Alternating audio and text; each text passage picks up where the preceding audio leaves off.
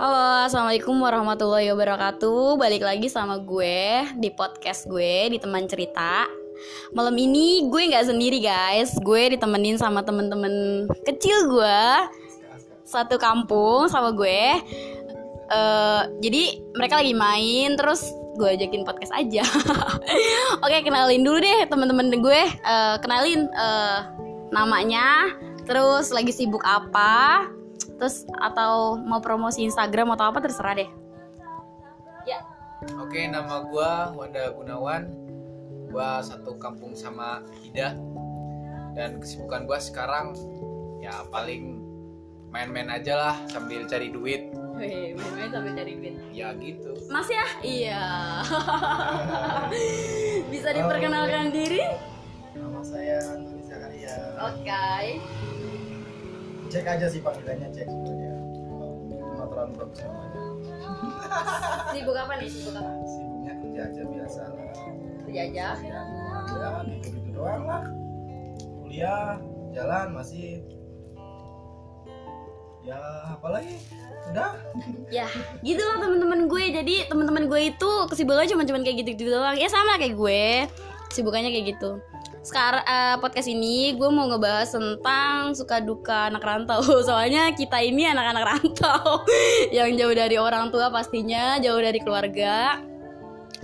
Kan pasti banyak banget tuh suka dukanya. Ya, gue juga tahu sih maksudnya banyak orang yang bukan cuman kita doang yang jadi anak rantau masih banyak lagi anak-anak rantau yang lain jadi gue pengen ngebahas suka dukanya aja tentang suka dukanya anak rantau 500 ribu. oke eh, pertanyaan pertama nih menurut kalian eh, efek dari menjadi anak rantau tuh apa sih coba coba dulu yang mau Siapa jawab nih? Mas dah. Jack atau Mas Wanda Gua dulu deh. oke Efek jadi seorang perantau iya bisa menjadi lebih mandiri. Bisa lebih tahu susahnya kita nyari duit itu kayak gimana. betul, betul. Jadi buat pembekalan kita juga nanti kalau seandainya kita udah tua bagaimana kita udah pengalaman dari hasil rantau ini bisa diterapin lagi nanti di masa tua kita. Hmm. Oke oke oke. Iya sih, emang bener banget. Kita tuh efeknya buat masa depan ya. Bukan cuman nyari duit aja tapi buat mandiri pula gitu. Terus hmm, suka dukanya selama rantau udah berapa tahun sih? Gua ngerantau di Jakarta udah hampir lima tahunan. lima tahun guys. Lama gue juga sih sama gue udah lebih ber- lebih dari lima tahun kayaknya. Dan lima tahun itu kalau menurut gua waktunya terbuang sia-sia. Iya betul betul betul. Kayak kita nggak dapet apa-apa di sini ya nggak sih? Betul. kayak kita cuma capek aja padahal lima tahun itu waktu yang sangat beuh, panjang sekali jika dirasakan ya guys Betul, banyak kemungkinan yang bisa terjadi di lima tahun Eh, itu. sebenarnya itu. Cuman kita kayak ngerasanya biasa-biasa aja kayak stagnan aja nggak sih? Kayak itu itu aja yang, yang terjadi dalam hidup kita tuh kayak itu itu aja. Masalah lagi udah kelar. Masalah lagi udah kelar gitu. Kayak kita tuh nggak ada nggak ada berkembang gitu. Nggak kayak orang-orang lain. Lu ngerasa gak sih lima tahun itu hidup kita gitu-gitu aja monoton, nah iya stagnan. Jadi nggak nggak naik. Nggak turun. nah iya gitu. Di situ itu aja gitu kan. Stuck. Iya, makanya. Sebenarnya eh, jadi anak rantau itu harusnya nih dibandingkan orang-orang yang tinggal di kampung dengan zona nyamannya. Kan anak rantau itu berarti keluar dari zona nyaman dong pastinya, ya kan? Nah, dibandingkan dari anak-anak yang tinggal di kampung dengan zona nyamannya, dengan orang tua, dengan kenyamanan-kenyamanan yang ada, makan tinggal makan gitu kan. Itu seharusnya kita lebih lebih eh, lebih mendapatkan sesuatu dari mereka gitu kan lebih dapat something ya kan cuman kayak pikir nggak sih kayak ya udah sama aja gitu. Ya kan? Nah terus ini kan udah akhir tahun nih ya kan? Udah akhir tahun 2019 apa sih resolusi buat anak-anak rantau kayak kita kita gitu? Resolusinya, kalau gue sih nggak terlalu muluk-muluk ya, nggak nggak terlalu mengejar apa pun. Yang penting di tahun 2020 yang akan datang, gue bisa jadi orang yang berguna buat siapa pun dalam segi apa pun. Ya. karena manusia terbaik adalah manusia yang bermanfaat untuk orang lain. Yoi. apa pun intinya kegiatan apa pun kita kerjakan dengan baik yang namanya rezeki itu bonus kok nggak bakalan ketuker nggak bakalan ke mana-mana kita tuh bukan hanya suruh kita tuh nggak harus jadi diri kita kan ada tuh perkataan nih kayak kita harus jadi diri kita sendiri gitu. Tapi kalau kita mikir kalau kita harus jadi diri kita sendiri be yourself kan itu nggak bisa. Soalnya kita akan tetap di situ. Jadi kalau semua kita dihadapkan dengan hal-hal yang menantang tuh kita kayak mikir ya berat itu bukan gue gitu. Ya nggak sih? Nah akhirnya kita jadi nggak berkembang gitu cobalah diganti gitu jangan be yourself tapi be your best be, your best best self. Apa sih? Ya gitu pokoknya. Jadi bukan jadi di- bukan jadilah diri kamu sendiri tapi jadilah diri kamu yang terbaik. Betul. Nah itu 2020 sih harusnya lebih kayak gitu. Ada nggak sih mimpi-mimpi di 2020 buat anak-anak rantau kayak kita? Kan pasti berat banget ya kan? Lima tahun yang udah kita laluin aja udah berat banget gitu. Dan kita akan melalui 2005 2020 2020 semoga wisuda oke mimpinya semoga wisuda buat Mas Wanda apa nih? 2020 mimpi terbesar gitu. Kayak mimpi yang harus banget dicapai gitu. Mimpi yang harus dicapai. Tentunya kalau itu bahagian orang tua lah. Yang kedua menikahlah kalau bisa. Oke oke oke guys. Menikah jadi pasangan yang terbaik yang bisa menghargai kedua orang tua kita. Nggak nggak maksudnya nggak terlalu banyak tuntutan yang penting bisa terima apa adanya udah gitu aja. Ya bener bener bener bener, bener banget guys. Punya cari pasangan tuh emang harus yang kayak gitu ya guys ya. Iya dong. Kalau gue mimpinya 2020 gue emang orangnya tuh pemimpi banget tapi tidur mulu. Jadi gue pemimpi tapi rebahan mulu gimana tuh? Jadi gue pengen banget 2020 besok bulan November semoga ya gue wisuda Amin. Terus gue pengen banget 2020 pengen banget punya bisnis sih. Bisnis kecil-kecilan dulu lah kayak ngerangkai dulu bisnisnya apa gitu. Biar nanti pas gue udah lulus gue bisa ngembangin lagi. Gitu. boleh kita join dah. Ada lagi ada lagi gue pengen banget traveling. Traveling traveling gue yang wacana selama ini wacana dalam hidup gue. Di 2019 dan 2000 ayo besok traveling. Lalu lalu lalu lalu lalu. Nah gue pengen bisa tercapai di 2020 sih guys. Kebenaran lu punya temen kayak kita kita yang hobinya traveling. Cuman masing-masing ada yang hobinya travelingnya pakai mobil pakai motor Tapi- pribadi pakai motor. tapi tetap gue emang belum bisa belum bisa traveling guys. Banyak banget yang ngajakin gue traveling cuman kayak gitu ada aja kendala. Budget. Guys budget. Gue gak punya duit. Gue tuh gue tuh bukannya nggak mau jalan-jalan tapi gue tuh emang gak punya duit ya Allah bukan nggak punya emang belum ada. Oh iya betul betul. Iya belum ada belum, belum ada. bukan bukan berarti nggak punya ya. punya oke. Terus pertanyaannya lagi nih. Kalian pernah nggak sih merasa paling down di saat kalian ngerantau? Sakit kah? Atau bener-bener gak punya uang buat makan kah? Pastinya pastinya selama merantau kita ada waktu di mana kita itu merasakan titik jenuh. Entah itu entah kita walaupun udah kerja terus dengan kerjaan kita yang sedang kita kerjain itu kita ngerasa jenuh. Kok gue kerja begini-gini terus? Terus kayak kayak hidupnya apa yang kita tidak bilang tadi monoton kerja pulang gitu itu aja. tidur istirahat udah besok kerja. kerja lagi. Setiap hari seperti itu terus. Kayaknya hidupan kehidupannya itu begitu-gitu aja gitu. Iya sih bener, gue juga ngerasain kayak gitu. Gampang banget bosen gitu kan. Pengen sih, pengen tuh kayak kita tuh nyoba dunia luar yang Kayak kita tuh lihat orang-orang tuh pada nyoba dunia luar yang luar biasa tuh kita pengen di posisi itu. Cuman ya gimana lagi? Ya emang sebenarnya saya udah posisi saya kerja kayak gini kayak gini kata orang enak Iya tetap ya kayak gitulah. Namanya dunia kerja ada enaknya. gimana pun juga ya selalu ada risiko masing-masing. Nah, yang terpenting itu mensyukuri dan menikmati tempat Ya. apa yang sedang kita duduki. hadapi Iya iya gitu gitulah pokoknya. kalau suka dukanya sih Kalau dukanya gimana tuh? Pernah gak sih kayak yang aduh pengen banget makan tapi nggak punya duit sepeser pun atau lagi di jalan tuh sudah nggak megang duit nggak bisa pulang atau gimana gitu? Pernah nggak? kalau efek terburuknya dulu ya waktu zaman zamannya baru merantau pas waktunya kan kita kan jaraknya jauh kerjanya kan terus setelah itu dapat kerjaan pindah pindahnya itu dari dari boleh sebutin kotanya nggak nih? Oh boleh silakan. Nah dari tanpa da- sensor. dari daerah mana tuh? Dari daerah Kapuk pasar darurat jalan kaki sampai ke Puri Kembangan. Coba berapa kilometer? Hmm, jauh ya pak ya? Nah itu suka dukanya di situ. Sakit nggak ada yang ngurusin nggak punya duit buat makan mau ngutang siapa. Ya itu pasti semua perantau ngalamin hal itu kok iya coba sih. tanyain Hmm. sama orang-orang juga pasti pernah ngerasain begitu semua perantau itu pasti ngerasain yang namanya nggak punya duit sepeser pun itu udah pasti pernah Ya, semua ada ngerasain. gimana, cuman ya kita ya ya nggak seputus asa itu iya. Ada aja kalau ini kalau kita mau ya adalah pinjam pinjam ya bisa lah. Terus gimana sih kalian pernah nggak kayak ya, pulang kampung nih kita kan perantau ya terus di kampung tuh dianggap ya wih abis pulang dari sini nih duitnya banyak nih gitu nggak gimana sih kalian tuh buat ngadepin orang ya, orang-orang di kampung kita yang pasti kan mikirnya kita tuh banyak duit gitu kita tuh di sana kerja terus eh, nyari rupiah yang begitu banyak gitu. Padahal kita juga di sini tuh kayak gini gitu malah enakan lu gitu yang daripada di rumah gitu. Pernah nggak? Kayak eh, baru balik nih terus bang eh kopi dong eh rokok dong. Kan pasti kayak gitu kan. Eh makan dong apa gitu kan. Itu gimana tuh kalian Kalau eh, itu- nyikapi?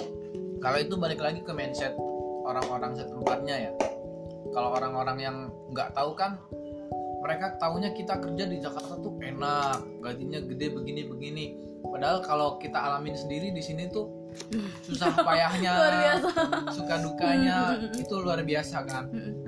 Nah tinggal bagaimana kita coba kasih pengertian sama orang-orang itu. Nanti seandainya orang itu pergi ke Jakarta ngalamin sendiri dia bakalan tahu dan nggak bakalan nanya begitu lagi. Nah tapi yang kebanyakan itu kayak orang-orang tua gitu kan iya maksudnya yang nggak mungkin dia mereka ngerantau gitu kan gitu. Jadi kayak orang tuh kayak mikir kita tuh banyak duit kalau pulang. Itu semua anak rantau ngerasain yang apa yang kita rasain.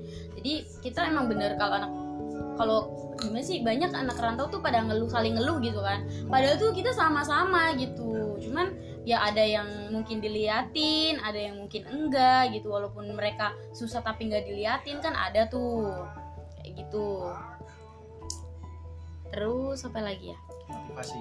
Enggak, apa sih eh, apa sih yang paling dirindukan dari yang pasti kalau perantau itu kangennya sama keluarga. Tuh. Nah, itu apa Itu yang udah paling berat banget. apa Karena yang paling kita- dirindukan dari pulang gitu? soalnya gini perantau kita jauh dari orang tua orang tua di rumah di sini sendiri gitu. Kok kayak ngerasa gimana ya? Hidup kok kayak gini-gini doang kita jauh dari orang tua nggak orang tua ya ya orang tua semakin tua gitu kan kita kita nggak bisa rawat nggak bisa ini sama orang tua gitu Nah, itu. kita sibuk dengan dunia sendiri gitu. Mm, mm, mm, itu bener. itu udah paling menyedihkan sih Mm. itu. Bahkan kayak telepon aja kita nggak ada waktu loh. Bener. susah Iya. susah banget Padahal kita ada waktu tapi kita yang kayak bingung. Maksudnya kayak gimana sih kayak canggung gitu. belum Walau- bisa bagi waktu Nah, walaupun tetap kita walaupun orang kangen tua ya mendukung gitu dengan dengan tapi kan kita juga ngerasa sebagai anak ada ngerasa gimana ya udah dibesarkan sampai sekarang tapi giliran udah gede kita merantau jauh kita nggak bisa kasih yang terbaik orang tua itu udah paling di hati itu paling menyedihkan Mm-mm. emang sih bener bener banget sumpah. Apalagi ada tuh orang yang kita ngerantau, kita ngerantau terus tiba-tiba orang tuanya entah ayahnya atau eh, ibunya tiba-tiba meninggal atau saudaranya itu gitu. Itu nah itu nyakitin ya banget yang sih? yang ditakutkan ya Iya, yang yang mm, bukan yang mm. itu sih udah takut cuman kan nah jangan itu kita gitu tuh- lah kita tuh minta jangan gitu. kita itu aduh saya hidup kayak gini jarang sama orang tua jauh. Giliran ada kayak apa-apa. gitu ya gimana sih rasanya? Ya itu sedihnya di situ. Merasa nggak berguna di iya betul. Merasa nggak walaupun berguna orang tua selalu mendukung kita. Walaupun sebenarnya orang tua itu nggak meminta apa pun dari iya kita. benar eh, benar. Tapi kita tuh kayak mikir kadang kita mikir nggak sih kayak oh, kita ya yang namanya kita man- maksudnya namanya kita anak ya pengen banget ngebahagiain orang tua gitu kan. Pengen. Padahal terkadang orang tua tuh nggak terlalu melulu hanya tentang uang gitu. Cuman ya ya memang uang itu membahagiakan kayak Betul. kayak gitu. Bahagianya orang tua itu kita orang kita bahagia. Sebenarnya orang tua itu kenapa maksudnya ngerelain anaknya buat merantau? Karena mereka pengen lihat kita sukses. Gitu walaupun pada walaupun kita ngerasa sendiri Nah. walaupun sukses cuma suksesnya kita kan jauh dari orang tua. Sebenarnya bukan hanya sukses kalau menurut gua. Biar lebih mengenal hidup. Eh, mencari jati diri. Mencari jati diri. Kalau untuk sukses itu kan tergantung pribadi masing-masing tergantung nasib. Tergantung nasib. Iya betul. Mau kayak gimana pun kita kalau kita emang tidak ditakdirkan oleh Tuhan gak sukses mau gimana? Lagi yang penting kita yang penting kita berusaha. yang penting kita udah mengenal jati diri kita terus basic hidup kita di mana pasti jalan kita kelihatan. Terus buat kalian nih mau tanya lagi nih. Hmm, kalian ditargetin gak sih sama orang tua harus nikah umur berapa? Atau kayak ditanyain kapan nikah? Kamu gak bawa gak bawa bawa calon istri atau apa gitu? Oh itu sih aku nggak pernah. Nggak sama- nggak nggak nggak pernah gitu. kalau itu malah saya memaksakan mengenalkan orang tua. Hmm, kalau orang tua nggak pernah nanya gitu. Justru malah orang tua tuh suruh saya nyuruh sekolah lagi sekolah sekali sekolah sekolah. Lagi tapi masnya rebel ya? Iya saya bilang rewel. Gitulah ya namanya. Mas anda gimana? Kalau untuk gua pribadi sendiri sih apa pun yang gua lakuin orang tua mah ngedukung. Mau nikah kapan mau, mau gimana. Syukur-syukur kalau ada pasangan bawa pulang. Ya kalau nggak ada ya nggak apa-apa. Terus lakuin apa yang intinya bermanfaat buat orang lain. Kalau untuk masalah itu nanti kalau udah waktunya bisa aja. Nah terus kan maksudnya ada target dari orang tua? Kalau masalah target sih Umur nggak berapa ditarget. gitu? nggak ditarget bilang yang tadi dibilang kan kalau seandainya kita sekarang nih seandainya sekarang gue dapat dapat jodoh nih apa gimana bawa pulang. Terus kita udah punya bekal buat nikah ya it's okay. Mm. sekarang juga nggak apa-apa kalau seandainya belum ada jodoh ya mungkin emang belum waktunya kapan pun terserah. Iya, betul. kalau saya sih percaya kalau saya jadi laki-laki yang baik yang bertanggung jawab. Apa ya kerjanya benar ini pasti akan ya pasti akan datang sendiri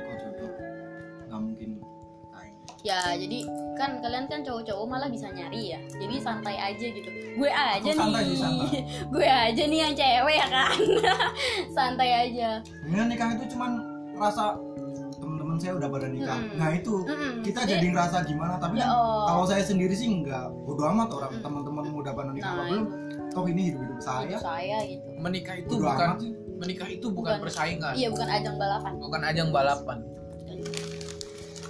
terus kalau sampai nih sebenarnya ke kampung nih kita kan ke kampung pulang nih pulang lebaran atau apalah ya gitu pulang. Terus kan banyak teman-teman iya gitu tadi banyak teman-teman kita yang udah nikah otomatis kan kayak banyak yang nanya lah masyarakat masyarakat tuh kayak lah kamu kapan? Kamu kapan? Gitu.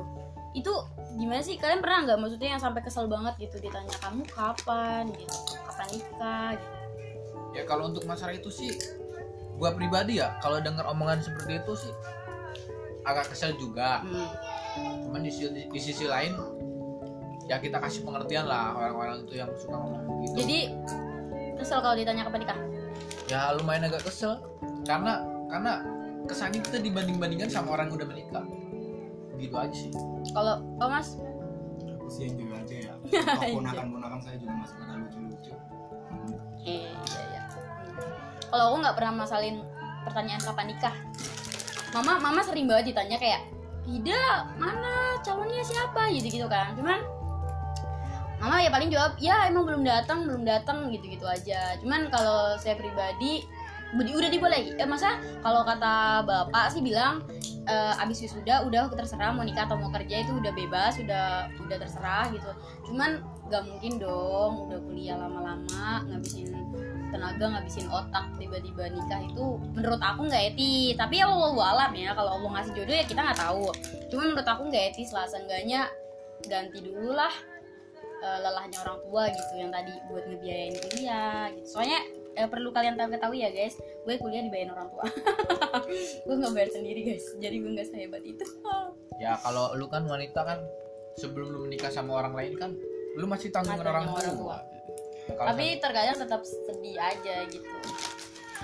Terus nge- lagi nih agak-agak melenceng jauh ya. Mas Wanda anak pertama ya? Saya anak pertama. Nah Mas Yoka anak bontot. Nah di sini anak bontot dan anak pertama. Nah pasti ada perbedaan dong perbedaan rasa perbedaan apa tuh ada gitu. Menurut Mas Wanda anak pertama itu gimana sih? Anak pertama itu kalau menurut gue sih lebih ke apa yang ya intinya lebih mewarisi watak karakter dari orang tua lah wataknya kayak contohnya orang tua watak wataknya wa- wa- dari bapak deh Hmm. bapak keras ibu gimana itu nurun semua ke Hmm, anak bener-bener. pertama Jadi kayak kecampur ya? Campur. Iya benar-benar. beda sama sama anak kedua ketiga keempat itu udah agak beda kalau Berat nggak jadi anak pertama? ya di samping berat kita pun jadi jadi apa namanya bisa disebut jadi tulang punggung juga karena anak pertama ya kan takutnya nanti juga sih menurut saya anak terakhir juga saya anak terakhir Oke, saya untuk untuk sudut pandang anak terakhir. lebih, saya enggak saya anak terakhir cuman saya beda daripada yang lain-lain daripada kakak-kakak saya saya justru lebih lebih luas gitu ininya lebih lebih berani gitu untuk keluar dari zona-zona Nyaman. nyaman gitu saya keluar saya tinggal di Jakarta sendirian cari makan sendiri pendidikan sendiri semua cari kerjaan sendiri yang lain pada di rumah ya lebih berani malahan saya anak lain intinya tidak merepotkan orang tua Enggak, ya. Iya, walaupun anak bontot ya. walaupun ya anak bontot Ah, um, plusnya itu kita nggak punya beban nggak iya, punya beban iya. maksudnya Hmm. Perbedaan dari anak pertama sama Iya, anak bontot itu anak bontot nggak punya beban Untuk- nggak ngituin adik-adiknya, Iya. tapi anak pertama itu ada beban buat jadi contoh Jadi contoh. adiknya gitu. Iya benar-benar benar. Kalau menurut gue ya, kalau menurut gue anak pertama itu yang gue rasain sendiri ya, itu emang ya luar biasa banget, luar biasa banget. Dia bener banget kata Mas Wanda ya tadi eh, kerasa banget sifat dari orang tua dua-duanya tuh nyampur banget di kita ya. Cuman kadang kita kalau udah ngerasa ada sifat yang gak baik dari orang tua tuh kita kayak yang langsung oh enggak ini nggak baik loh buat kita gitu kan. Itu bagusnya kayak gitu. Terus kita tuh kayak punya beban buat nyontoh jadi contoh adik kita gitu. Kita nggak boleh ini nggak boleh itu karena adik kita akan nurutin nu- apa nurunin apa yang kita lakuin ya kan. Tuh apalagi buat gue ya, gue anak pertama cewek itu luar biasa banget sih sumpah. Eh, gimana ya? Padahal belum pernah ngelakuin apa-apa untuk kedua orang tua, belum pernah ngelakuin apa-apa untuk adik sendiri, cuman kayak punya beban aja gitu. Kalau masalah udah berguna atau belum, kayaknya belum sih, belum berguna, belum bisa bantu apa-apa gitu. Belum ada kontribusi apa-apa buat kedua orang tua sama adik. Cuman kayak gak tahu beratnya, gak tahu berat gimana. Pokoknya ngerasa berat aja tuh saya tuh ya, gitu. karena beratnya itu di pikiran sebenarnya pemikiran kita terlalu jauh. Karena anak pertama itu terlalu memikirkan ini ini ini ini ke depannya seperti apa? Karena gua anak pertama begini begini begini. Itu yang jadi berat di kita. Mindset. Iya benar-benar. Terus sedekat apa sih eh, kalian sama saudara-saudara kalian?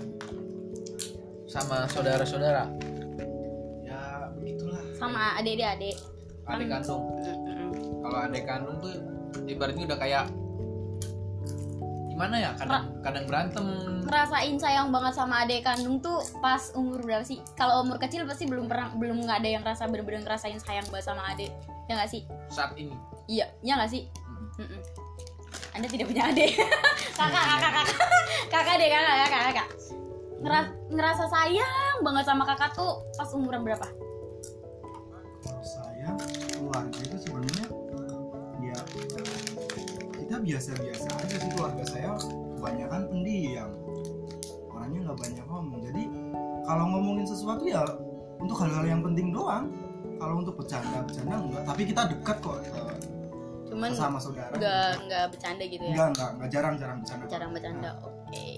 Kalau gue sendiri, gue ngerasain sayang banget sama adik gue. Adik gue kan cowok tuh ya, udah kelas 1 SMA. Ngerasain banget tuh sekar sekarang sekarang sih bener-bener ngerasain kayak pengen banget ngasih yang terbaik buat dia walaupun kita belum bisa tapi pengen banget ngerasain yang terbaik deh buat buat itu itu dan pada akhirnya juga uh, adik kita bakal ngerasa kalau dia disayang gitu. Kayak gitu sih. Terus hmm, apa yang paling dirindukan dari rumah? Masakan ibu. Ya sekali dan perhatian ibu. Perhatian ibu lebih lebih lebih luar biasa ketimbang perhatian dari seorang pacar. Oh itu dong Tapi- Itu paling paling tapi gini loh tapi kalau kita udah jauh dari orang tua nih sebenarnya kita di perantauan terus kita ada maksudnya kita ada pacar gitu kan. Hmm. ya jangan jangan nggak nggak jauh-jauh deh di perantauan. Dulu waktu kita sekolah gitu ya maksudnya. Kita punya pacar dong gitu. Ya kita bilang kita bilang apa sih namanya perhatian orang tua perhatian ibu tuh lebih luar biasa dan segala macam. Tapi kita lebih priori- prioritasin orang lain gitu. Ya nggak sih? Iya. Ya kan iya kayak gitu kan? Ya karena kan orang lain itu kan baru datang. Jadi kita masih butuh proses mengenal kita kita itu masih penasaran sama orang itu.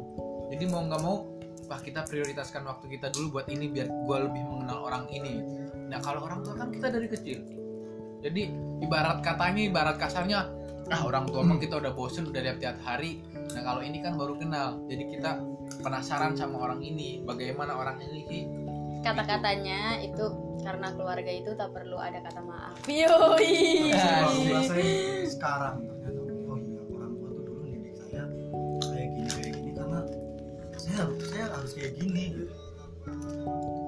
Saya harus jadi laki-laki yang kuat strong ternyata bener juga orang tua Iya, segala apa pun yang dilarang orang tua dulu kala tuh kit, ah, kerasanya sekarang nggak sih? Sekarang. Iya benar. Kayak gue di- di- disuruh dari sekolah tuh kayak tidak kalau nggak kalau pergi nggak pakai kerudung nggak usah pergi. Nah itu tuh kerasa banget sekarang. Oh iya ya. Terus tidak dulu tuh jadi ajaran mama ajaran nama saya itu kalau seumpama nggak sholat itu didiemin dari pagi dari pagi. Kok su- subuh nggak sholat nih? Itu ngediemin bisa sampai maghrib sampai paginya lagi ngediemin. Nah itu itu kerasa banget sih.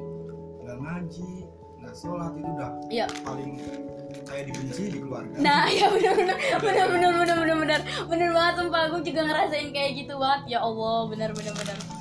hampir semua orang ngalamin ini Iya iya iya iya. Eh, eh, tapi alhamdulillahnya kita masih dalam keluarga yang seperti itu. Tetap ada keluarga yang tidak memper, dia memprioritas memprioritaskan ibadah itu tetap ada gitu kayak ya udah ya udah terserah lu gitu ke anak. cuman perhatiannya versinya lain Iya versinya masih lain. Semua orang tua itu baik. Semua orang tua nggak ada yang jahat Terus em, buat kalian tuh lebih deket sama mama apa sama bapak? Kan mm, kalau cowok itu lebih deket sama orang tua mama eh, sama, sama mama sama bapak. Buset dah. nih gue dulu nih Iya udah. kalau Udah, gue sih dua-duanya deket kalau gue sama bapak gue itu ibarat ibaratnya kayak sahabat jadi kebanyakan kebanyakan orang nih yang yang gue tahu. Seandainya nih contoh-contoh kecil. Bapak lagi duduk di ruang tamu. Eh lu lagi duduk di ruang tamu terus bapak datang duduk di samping lu. Lu kadang ngerasa nggak nyaman nggak? Kalau gue ya. ngerasa nggak nyaman kan? Kalau gue enggak kalau gue ibaratnya sampai duduk bareng sampai dirangkul sama bapak Iya. sambil ngobrol segala Iya macam Iya gue tahu. ya kan? Iya iya. iya. hampir semua orang pasti ngalamin itu. Ada rasa risih. Mm-mm. Di mana kadang lu lagi duduk di mana tiba-tiba bapak lu nyamperin Terus kita pergi. terus kita pergi nggak nyaman apa gimana pasti begitu beda dengan ibu kalau lu lagi duduk sendiri ibu datang justru malah Bahkan kalau nyaman. dia lagi duduk sendiri kita yang datengin. nah Nah, nah begitu Nah. kebalik terus ada Saya lebih dekat ke ibu kalau bapak saya diam Diam. tapi dia ngajarin saya itu dengan tindakan Oh iya dengan contoh ya. dengan contoh emang lebih lebih yang dari contoh tahu kalau katanya tuh se- seribu kata seribu kata suruhan dengan satu contoh itu lebih kena yang satu contoh. Dan bapak saya tuh nggak pernah marahin saya. Duh, mantap tidak pernah diomelin sama bapak guys. nggak pernah. Kalau gue sendiri bapak saya kalau marah tuh diem. Makanya kadang ya malah diem diem doang ke saya. Hmm, kalau ibu malah lebih keras. Pernah saya di ibu pakai sapu juga pernah. Cuman gara-gara main. Tapi itu buat kebaikan. Kebaikan. saya baru ngerasain sekarang sekarang. Ternyata, oh gini ya. Tapi dulu kita mikirnya gini ya Allah kayak gini banget sih emak gue gitu. Kalau gue sendiri gue lebih deket sama mama. Dari kecil emang paling deket sama mama karena bapak gue jauh banget. Bapak gitu orangnya keras banget. Sampai teman-teman gue tuh mau main ke rumah gue tuh takut sama bapak bapak gue bapak gue tuh kayak mukanya itu udah galak udah serem kayak kuburan sampai sekarang. Tapi gue ngedek- mulai deket sama bokap itu masuk kuliah. Jadi pas kuliah itu emang jadi gue tuh jadi prioritas bokap. Terus akhirnya gue deket sama bokap. Tapi tetap aja kalau lagi ngumpul sama mama sama adik gue di ruang TV atau di depan tuh tiba-tiba bokap nyam eh, apa sih namanya gabung itu gue sama adik gue pasti ke kamar. Dan gue tuh pengen banget kayak ngerubah gitu ngerubah pola itu gitu. Kayak pengen banget bisa kumpul berempat gitu karena emang keluarga gue cuma berempat ya. Pengen banget bisa kumpul berempat cuman emang belum bisa aja gitu. Nah. Saya merindukan itu sih kalau sumpah. saya ja- kayaknya nggak hampir jarang kumpul sama keluarga itu jarang banget. Soalnya keluarga saya itu sibuk semua. Ada yang dagang ada yang kebun ya gitu jadi jarang-jarang banget kumpul keluarga gitu. Gue sekarang sekarang gue nanya ke lu mengenai pertanyaan yang barusan. Oke. Ini gili- giliran gue nih yang nanya nih. Oke oke oke oke Nah. oke baik. tadi kan gue nanya kayak tadi kan gue ngomong ya kan? Hmm. nah kalau seandainya gue lagi duduk di ruang tamu tiba-tiba bapak gue datang gue nggak ngerasa nggak nyaman terus gue langsung pergi apa rasanya rasa nggak nyamannya itu kenapa mungkin karena dari kecil nggak pernah deket sama bapak. Jadinya kayak pas eh, bokap pas kita duduk terus ada bokap tuh kayak yang risih gitu. Udah gitu kan nggak pernah cerita apa pak. Ya elah saya gua sama bokap gue tuh kayak ngomongnya tuh kayak seperlunya aja minta duit gitu. Tapi pas eh, gua kuliah tuh di telepon itu dia kayak yang nanyain kalau gue sakit tuh kayak yang paling khawatir gitu. Sama mama mama gue juga gitu. Cuman kayak bokap gue juga jadi tak khawatir pas gue kuliah. Itu berarti pas gue belum kerja kemarin semester dari semester 1 sampai semester 4 itu luar biasa banget bokap gue tuh. Bener-bener deket banget sama gue dan alhamdulillah eh, jadi kayak semangat buat bokap gitu loh tapi sekarang lagi nggak jadi lagi gara-gara gue kerja terus kayak jauh lagi gitu. Kayak gue lagi nggak nurut sama omongan bokap jadi kayak yang jauh. Dan gue ngerasain kalau lagi nggak nurut sama omongan bokap tuh ada aja yang sesuatu yang gagal gitu. Gue gue pengen banget 2020 atau 2000 kapan gitu sebelum semuanya terlambat gitu ya pengen banget yang namanya ngedudukin kita berempat gitu. Kalau nggak jalan-jalan gue ada niatan gitu habis lebaran tuh pengen ngajakin mereka jalan-jalan. Walaupun mungkin agak susah cuman gue kayak yang pengen udahlah gue nggak gue nunda kesenangan-senangan gue dulu sama apa tahun tahun 2020 buat gue bisa kumpul sama keluarga gitu. Soalnya kayak itu salah satu mimpi gue bisa duduk berempat sih. Parah soalnya nggak pernah bener-bener nggak pernah gitu. Emang deh, kalau kakak saya kan tinggal saya di rumah. Sendiri saya di rumah cuman jadi kayak anak tunggal ya? Iya kayak anak tunggal jadinya. cuman saya anak tunggal aja saya pergi. Merantau. Iya kalau kalau iya kalau sendiri-sendiri emang kan bokap juga gue bokap di Tegal mama di rumah adik gue di Wonosobo gue di Bekasi jadi kita nggak bareng dan itu pengen banget yang namanya nyatuin berempat. Jadi lebaran pun nggak pernah duduk berempat sumpah. Lebaran nggak pernah duduk berempat ke kubu ke makam ke kuburan gitu ya kalau kita di di kampung kita nih guys. Tiara. itu kita kayak lebaran itu harus ke kuburan gitu tiap pagi ya kalau pagi ya gitu habis sholat id itu. Itu nggak pernah yang namanya bareng. Udah aku atur biar bareng pun tetap nggak bisa. Makanya ya allah mimpiku tuh pengen bisa ngedudukin berempat Apalagi itu ya kan. terlambat. Kita lagi sebagai perantau kan kadang pekerjaan kita pun menyi- menyita waktu. Kadang lebaran kita nggak bisa pulang pulang-pulang Pernah ya? lebaran. Pernah lebaran nggak pulang? Pernah sekali. Pernah lebaran nggak pulang? Pernah. Aku nggak kuat lebaran. Aku nggak kuat aku bilang kalau lebaran di sini pasti mama bilang ya udah mama nyusul. Itulah ibu itu duka paling menyedihkan para perantau jika dia udah kerja Mm-mm. terus giliran mau lebaran nggak bisa pulang? Entah hari-hari besar. Mm-mm. yang lebih parahnya jika salah satu keluarga kita ada yang meninggal. Itu susah banget terus buat kita nggak nggak bisa pulang Mm-mm. ya kan? Sedangkan kita mau melihat beliau yang ibaratnya di usia terakhirnya kita nggak bisa melihat. Itu sedihnya dukanya di situ. Mau sampai kapan sih kalian jadi anak rantau mau sampai kapan sampai kapan ya? Kalau bicara itu sih tergantung nasib sih. Kalau Iya. cuman maksudnya keinginan kalian tuh sampai kapan? Atau dua tahun lagi atau tiga tahun lagi atau bahkan satu tahun? maunya sih lagi secepatnya cuman kan kita ke pulang balik lagi ke kampung. Di kampung itu belum ya gitu-gitu doang. Mm-mm. kita mau buka usaha juga kayaknya Belum ada deh perkembangan. pasarnya belum belum ini deh. Belum kelihatan. Jadi ya kita sambil di sini sambil cari ilmu Cari duit. wawasan cari duit. Ya udah jalanin dulu. Nanti setelah kita udah matang di sini baru kita balik ke kampung punya ide punya apa baru kita punya sesuatu yang bisa kita banggain. Betul. Lah kita kan hidup dari orang yang biasa. Kita, kita kenapa tujuan kita ke Jakarta merantau? Ya karena kita butuh. Kita ingin mengubah nasib. Nah entah itu sampai kapan kita nggak bisa prediksi. Kalau gue suka kayak yang udah lah tahun ini udah selesai di sini gue suka yang pengen kayak gitu ya mungkin karena gue cewek ya. Cuman balik lagi. Saya jangan. jadi pengen nikah kalau di kampung. Ah iya bener bener bener bener. Bener banget jadi pengen nikah. Soalnya teman-teman gue di kampung udah pada nikah guys. Bahkan adik-adik kelas gue di kampung tuh di udah pada kampung nikah. sepi. Iya. apa-apa. sepi. Terus ya udah. Kita hanya merindukan rumah dan kalau kita di kampung ya udah kita nggak akan merindukan rumah ya gak sih? Karena kita udah di rumah. Beda beda rasa lah gitu. Tapi lu pernah ngerasa nggak sih di umur lo yang sekarang itu emang waktunya kita kayaknya udah pantas buat nikah? aku belum. Belum sih soalnya aku dikirain 99 aku di kelas dikirain 99 jadi karena mungkin aku anaknya kecil ya kan imut ya kan? Jadi gitu deh aku nggak nggak nggak enggak nggak sih aku aku merasa aku merasa sendiri karena aku belum matang aku belum belum Siap. inilah belum siap gitu.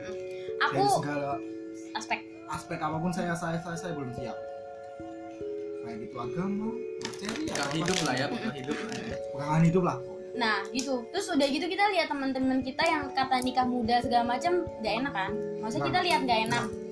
Banyak banget kan? Kita dapat pelajaran dari orang tua kita. Mana ada sih keluarga yang kata gak berantem orang kaya pun berantem ya kan ya kan yang namanya entah banyak itu banget masalah iya entah itu masalah ekonomi atau masalah apa pun itu pasti ada gitu Ada. kan nah kenapa kita kayak ntar aja lah nikahnya kita kayak pengen matengin finansial matengin ilmu agama matengin pendidikan matengin ya intinya ilmu pondasi dulu nah dibuat. gitu Intinya kalau menurut gue sih segala sesuatunya itu dari segi aspek apa pun ya itu harus balance kalau menurut gue. iya bener sih Soalnya kayak contoh nih kebanyakan orang yang yang menikah dia mengatasnamakan agama. Nah. Pada kenyataannya yang Tetap. kita lihat Hmm. karena ekonominya begini Berantem. akhirnya Hmm. agamanya goyah berantem Hmm, nah. akhirnya sampai perceraian Nah. segala macam. itu itu itulah hal-hal yang buat pertimbangan kita buat nggak nikah muda Nah, Ya kan? berat nikah itu berat karena menyatukan dua keluarga juga iya menikah itu bukan segampang beli es coklat. Ya gitulah pokoknya. Susah. Susah bener. Jadi kita tuh kayak belum berani iya Terus? walaupun saya kemarin udah.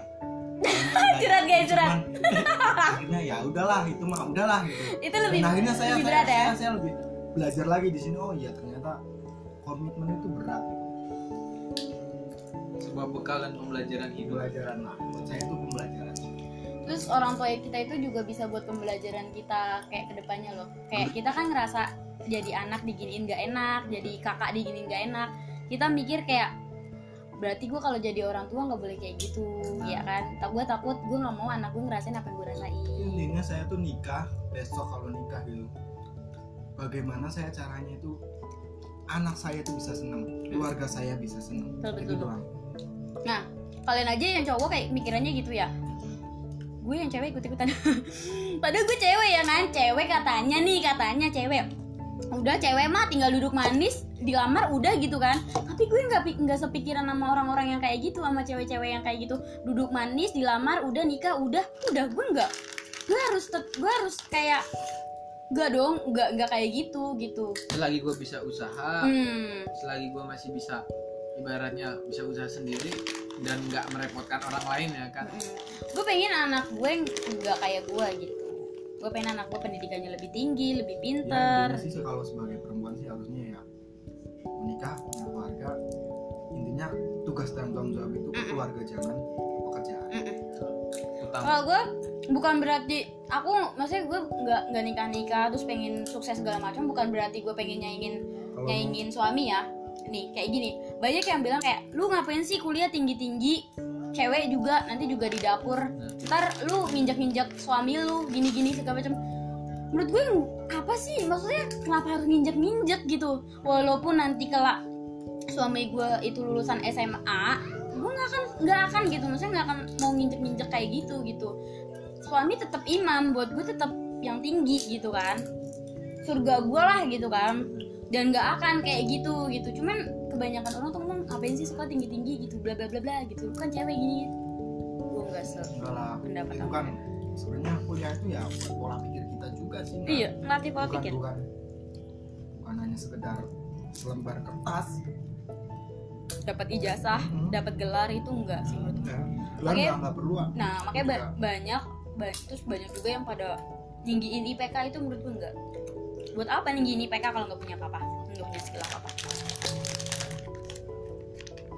Ilmu itu sebenarnya ada di mana-mana guys. Oh saya juga lulusan SMA bisa masuk ke perusahaan yang ya lumayan lah menjamin gitu buat saya ke depannya walaupun lulusan SMA kuliah saya tuh cuman buat ya ngembangin pola pikir saya doang.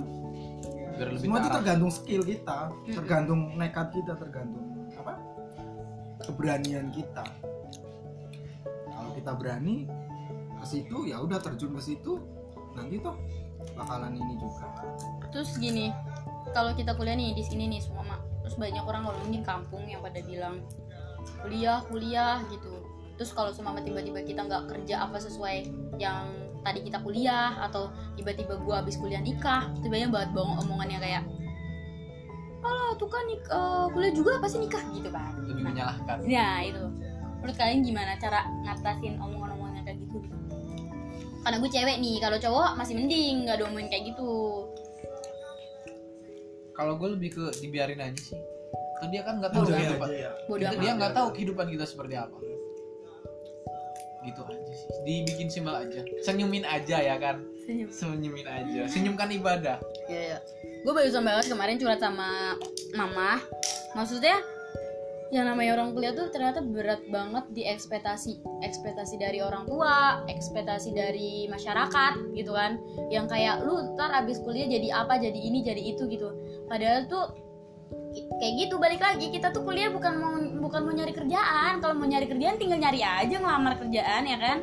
Kalau emang kita punya skill ya kita dapetin yang gajinya tinggi kalau nggak punya ya udah gitu kan. Nah tapi yang namanya kuliah tuh buat ngelatih pola pikir buat nyari ilmu ya kan? Tapi banyak dikaitkan dengan kayak gitu sama orang-orang di kampung kita yang pikirannya masih kolot ya kan? Masih kuno lah. Pasti pikirannya kayak oh kamu kuliah di ini berarti kamu nanti jadi ini ya? Kamu kuliah di ini jadi ini ya? Terus pada akhirnya lulus gak jadi apa-apa ngomong lagi gitu. Nah kalau untuk pasal itu kan kayak contoh nih lu lulus kuliah lu bisa kerja di sini di sini. Itu kan maksudnya nilai plus bonus lah. Betul betul, betul. Banyak kok yang kuliah lulusan kuliah nggak bisa jadi apa-apa. Eh, terus banyak yang anak SMA bisa jadi apa-apa. Nah itu. banyak yang lulusan udah pada wisuda malah nanyain kerjaan ke saya yang lulusannya cuma SMP nah itu lebih ke nilai plus sama ya itu tadi. Ibaratnya tekad dari kitanya. Kalau kita cuman kuliah kan banyak tujuannya. Masing-masing cuma kadang buat gaya-gaya Hmm, nah tuh. cuma buat bergaul. Ada tuh ada kuliah yang cuma buat gaya-gayaan kalau gaul ya karena karena kalau kita tuh perlu butuh butuh butuh butuh apa? Pergaulan yang pergaulan. Butuh butuh apa? Dunia luar. Kenal dunia luar. Mm-mm. kita tuh harus memperbanyak memperbanyak relasi. Itu sih yang penting sekarang tuh lebih banyakin relasi aja. Banyakin temen. Kayak gitu. Hal positif ya. Tapi eh, ngerasa nggak sih kalau semua kita kan orang kampung nih kan? Terus kayak ngumpul sama orang-orang Jakarta gitu ya orang-orang kota ya kan? Jakarta. Jakarta Bekasit ya kan? Sama orang-orang kota tuh kayak yang ngerasa kok gue kayak apa sih bawah banget gitu loh? Nggak setara. Nah gitu. Ngerasa pernah ngerasa nggak? Enggak aku aja deh kalau gua sih enggak juga sih. Enggak sih tergantung bagaimana kita manusia sama-sama makan nasi kok. Cuman Oh. kalau dari segi material dari segi penampilan terkadang Hmm. ya aku dia lebih keren daripada gua ya. Insecure ya? Kok gua begini-gini aja ya. Ya nggak munafik yang namanya kita kita, kan pengen ya? Fisik kan kita dilihat orang Iya. penampilan kan kita dinilai orang. Nah kadang wah dia kok lebih keren gitu ya gue bisa nggak ya begitu? Hmm, gitu kadang hmm, begitu. Gue juga ngerasain kayak gitu sih. Bener sih bener apalagi ya ada yang mau bertanya atau yaudah deh terakhir aja deh terakhir udah 43 terakhir deh terakhir ini kayaknya podcast paling panjang gue sih Ya, terakhir kapan- terakhir ya kan kapan lagi kita ketemu ya Iya kan? benar benar banget ya. Terakhir nih, ada nggak sih motivasi atau semangat buat anak-anak perantau yang sekarang lagi ngerantau dan lagi ngerasa down mungkin atau merasa bosan di perantauan? Ada nggak motivasi atau semangat dari kalian? Ini banyakin liburan aja sih kalau lagi stres Ah, bapak ibu nggak punya uang pak, yang nggak punya uang kasihan pak. Ya ampun. banyakin liburan udah itu aja jangan mikirin nikah udah Oke, tuh. intinya merantau itu niatkan ibadah jangan niatkan cari duit Ya, sob. kalau lu kerja buat nyari duit hid- hidup lu bakal dibikin lelah dibikin lelah Iya, betul. kalau lu niat kerja itu karena ibadah otomatis lu akan terpacu terus buat terus beribadah di kerjaan itu Hmm. intinya Ikhlas ya? Nah, bener intinya apa yang kita kerjakan, entah itu pekerjaan apa, kerjakan dengan sebaik mungkin dengan tanggung jawab penuh. Anggap saja itu ibadah, otomatis akan lu lakuin sebaik mungkin lah. Dan nggak bakalan bosan intinya. Iya bener-bener. Kalau gue sih emang lagi bosen banget sama dunia kerja, gue bosen banget. Gue anaknya Bosen. bosenan, Apalagi banget. kalau udah ngadepin direksi Iya, bos. Itu lebih ke rutinitas. Iya rutinitas. lebih aduh Bosen banget sih sumpah. Ya buat kalian juga yang pasti kan banyak banget nih yang anak-anak rantau pasti banyak. Buat kalian semangat aja. Kita tuh punya track masing-masing. Kayak ada yang udah umur segini udah sukses, ada yang belum. Ada yang umur segini udah wisuda, ada yang belum. Kita punya track masing-masing, kita punya Jalan jalan masing-masing. Jadi nikmatin aja prosesnya. Kalau bosen ya nikmatin kalau lagi senengnya syukurin kalau lagi kangen rumah ya telepon kalau nggak bisa pulang se- sejenak Intinya apa pun agama lo, Mm. tetap beribadah dengan baik. ya bener ya karena rumah adalah tempat paling nyaman jadi kalau kalian udah lelah kalian bolehlah pulang. Duduk sebentar. Apa sih yang dikejar? Ya oke. Makasih eh, buat Mas Wanda dan Mas Jaka atas waktunya udah ngisi podcast gua. Eh, semoga nanti bisa ngisi lagi di podcast gua. Terus eh, semoga ini ada relate dari kalian semua yang bisa yang ngedengerin podcast gua. Makasih juga udah dengerin podcast gue dari episode 1 sampai episode terakhir. Eh, semoga ada manfaatnya buat kalian juga dan tetap terus dengerin podcast gue biar gue bisa terus bikin podcast. Oke makasih. Terima kasih. Eh, assalamualaikum warahmatullahi wabarakatuh. Selamat malam